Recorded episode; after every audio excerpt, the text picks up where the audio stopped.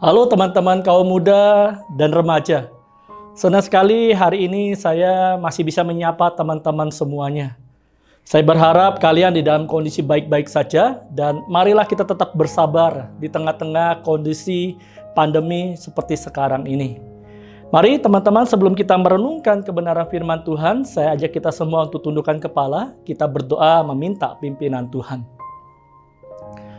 Tuhan Bapa kami yang baik, kami bersyukur ya Tuhan, hari ini kami masih diberikan kesempatan untuk belajar daripada firman-Mu, merenungkannya ya Tuhan, dan terlebih lagi kami boleh belajar melakukannya Bapa. Tolong kami ya Tuhan, di tengah-tengah kondisi yang tidak mudah ini, kami terus berharap kepada Engkau, kami terus bersandar kepada Engkau. Terima kasih Bapa. Kami serahkan waktu pemberitaan firman ini ke dalam tangan-Mu saja. Hanya di dalam nama Tuhan Yesus Kristus kami berdoa. Amin. Teman-teman, hari ini saya ingin mengajak kalian merenungkan sebuah tema yaitu doa dalam hati sah atau enggak.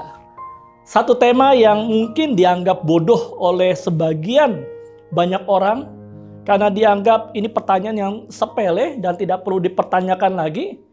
Tapi di sisi lain ini merupakan tema yang menarik untuk kita renungkan bersama. Sebab ada orang-orang yang beranggapan bahwa berdoa dengan bersuara itu lebih didengar oleh Tuhan. Apalagi ketika kita berdoa dengan suara yang keras, maka Tuhan akan segera menjawab doa kita. Tetapi kalau kita berdoa tanpa bersuara, bisa jadi Tuhan tidak mendengar. Nah, apakah benar demikian? Untuk menjawab pertanyaan ini, saya mengajak kita membaca bersama-sama bagian firman Tuhan yang menjadi dasar perenungan kita di dalam Matius pasal yang ke-6 ayat yang kelima sampai 8. Matius pasal ke-6 ayat 5 sampai 8. Demikian firman Tuhan. Dan apabila kamu berdoa, janganlah berdoa seperti orang munafik. Mereka suka mengucapkan doanya dengan berdiri dalam rumah-rumah ibadat dan pada tikungan-tikungan jalan raya, supaya mereka dilihat orang. Aku berkata kepadamu, sesungguhnya mereka sudah mendapat upahnya. Tetapi jika engkau berdoa, masuklah ke dalam kamarmu, tutuplah pintu dan berdoalah kepada Bapamu yang ada di tempat tersembunyi. Maka Bapamu yang melihat yang tersembunyi akan membalasnya kepadamu. Lagi pula dalam doamu itu janganlah kamu bertele-tele seperti kebiasaan orang yang tidak mengenal Allah. Mereka menyangka bahwa karena banyaknya kata-kata doanya akan dikabulkan. Jadi janganlah kamu seperti mereka karena Bapamu mengetahui apa yang kamu perlukan sebelum kamu minta kepadanya. Nah teman-teman yang terkasih di dalam Tuhan. Bicara tentang doa, perlu kita ketahui bahwa yang pertama, Alkitab tidak pernah menekankan atau mengajarkan kepada kita mengenai cara berdoa yang benar. Apakah berdoa itu harus lipat tangan atau harus angkat tangan? Apakah berdoa itu harus bersuara atau tidak? Atau apakah berdoa itu harus dengan suara keras atau tanpa bersuara? Tetapi yang diajarkan dan ditekankan oleh firman Tuhan adalah apakah selama ini kita berdoa, kita sudah berdoa sebagai orang yang benar. Dalam artian kita sudah menaikkan doa-doa kita secara tulus di hadapan Tuhan. Tidak ada motivasi terselubung di balik doa-doa kita. Dan terlebih lagi, di dalam doa kita, kita menyatakan iman percaya kita akan janji pemeliharaan Tuhan atas hidup kita. Dan terakhir, kita berdoa untuk memuliakan nama Tuhan. Lalu yang kedua, kaitannya dengan doa dalam hati atau bersuara. Maka kita perlu pahami bahwa ini adalah ekspresi atau cara dari komunikasi kita kepada Tuhan. Ekspresi itu berbeda dengan esensi. Ekspresi adalah luapan dari esensi. Sedangkan esensi adalah inti atau hakikat doa yang perlu kita pahami bersama. Orang percaya bisa saja punya ekspresi yang baik ketika mereka berdoa. Padahal mereka tidak memahami esensi dari doa dan mengapa dia harus berdoa. Tetapi orang yang paham akan esensi doa, maka dia akan memiliki ekspresi yang tepat yang keluar dari dalam hatinya sesuai dengan kehendak Tuhan. Nah, ekspresi inilah yang diungkapkan oleh Yesus di dalam bacaan yang telah kita baca tadi. khususnya di dalam ayat kelima, ketika firman Tuhan mengingatkan agar kita tidak mengikuti cara doa yang salah, seperti doa-doa yang dipraktekkan dan ditunjukkan oleh para ahli Taurat dan orang-orang Farisi, di mana mereka suka sekali mengucapkan doanya dengan berdiri dalam rumah-rumah ibadat dan pada tikungan-tikungan jalan raya, supaya mereka bisa dilihat oleh orang lain. Nah, mengapa teman-teman? Apabila kita menyelidiki memang ajaran Yudaisme, maka kita akan mengetahui bahwa dalam ajaran ini mereka selalu menekankan tentang doa-doa rutin setiap hari yang wajib mereka lakukan. Mereka harus berdoa minimal tiga kali dalam sehari dan selalu pada jam-jam yang sama. Dan ada beberapa tulisan para rabi Yahudi itu menunjukkan bahwa jam-jam doa itu harus diikuti. Tidak peduli di mana pun orang Yahudi sedang berada. Bahkan di dalam sebuah tulisan diajarkan bahwa seorang raja pun itu tidak boleh menginterupsi seseorang yang sedang berdoa.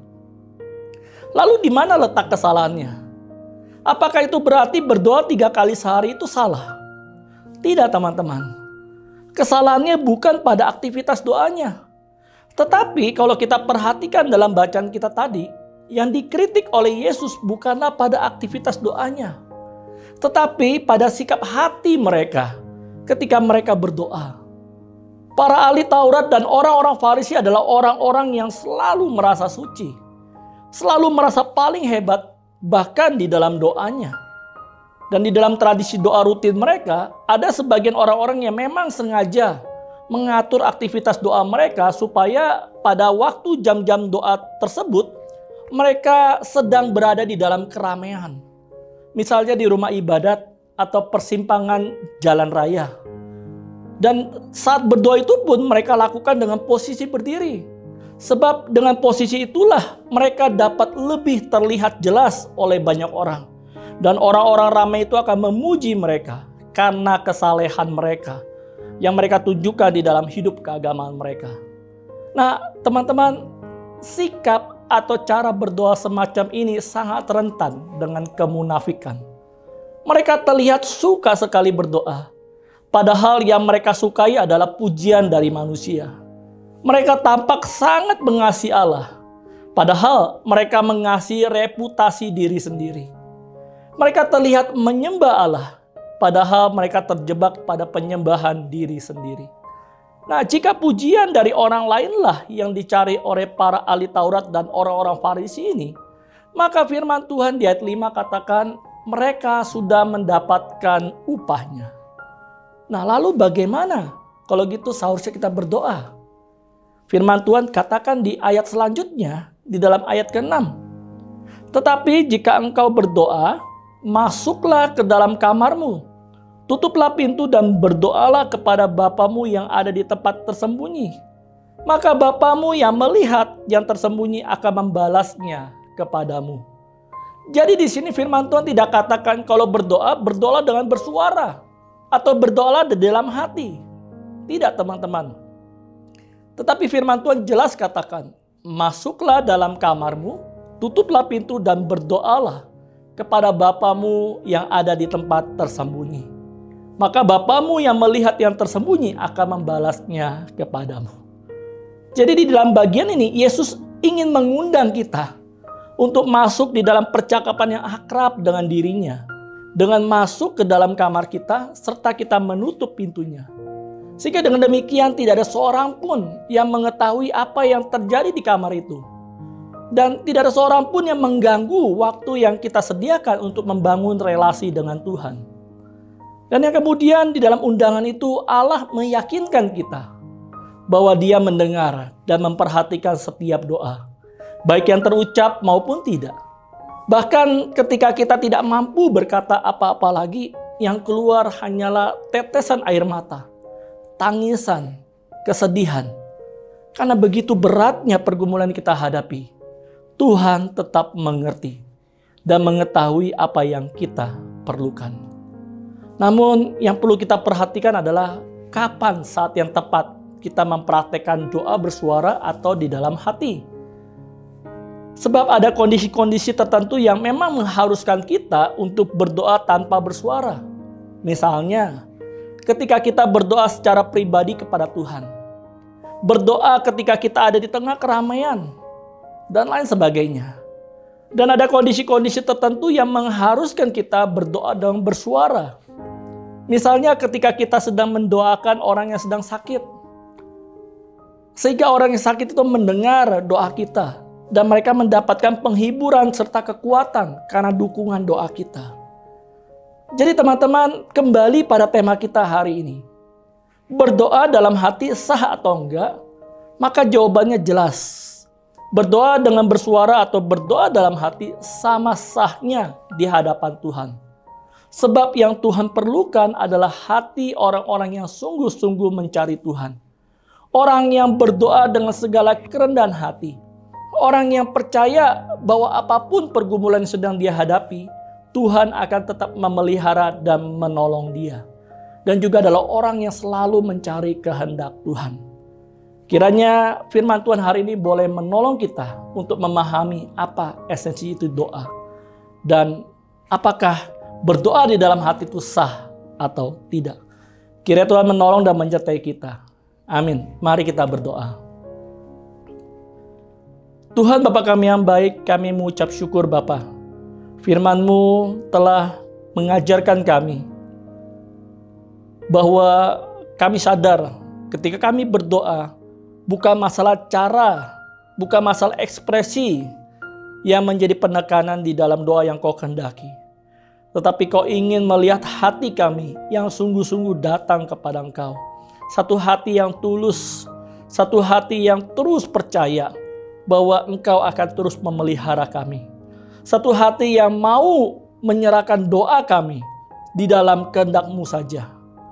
Terima kasih Tuhan Yesus untuk firman-Mu. Kau tolong setiap kami ya Tuhan, biarlah di dalam perjalanan hidupan kami, kami boleh memahami firman-Mu hari ini dan kami boleh menerapkannya di dalam kehidupan kami. Hai di dalam nama Tuhan Yesus Kristus kami berdoa. Amin.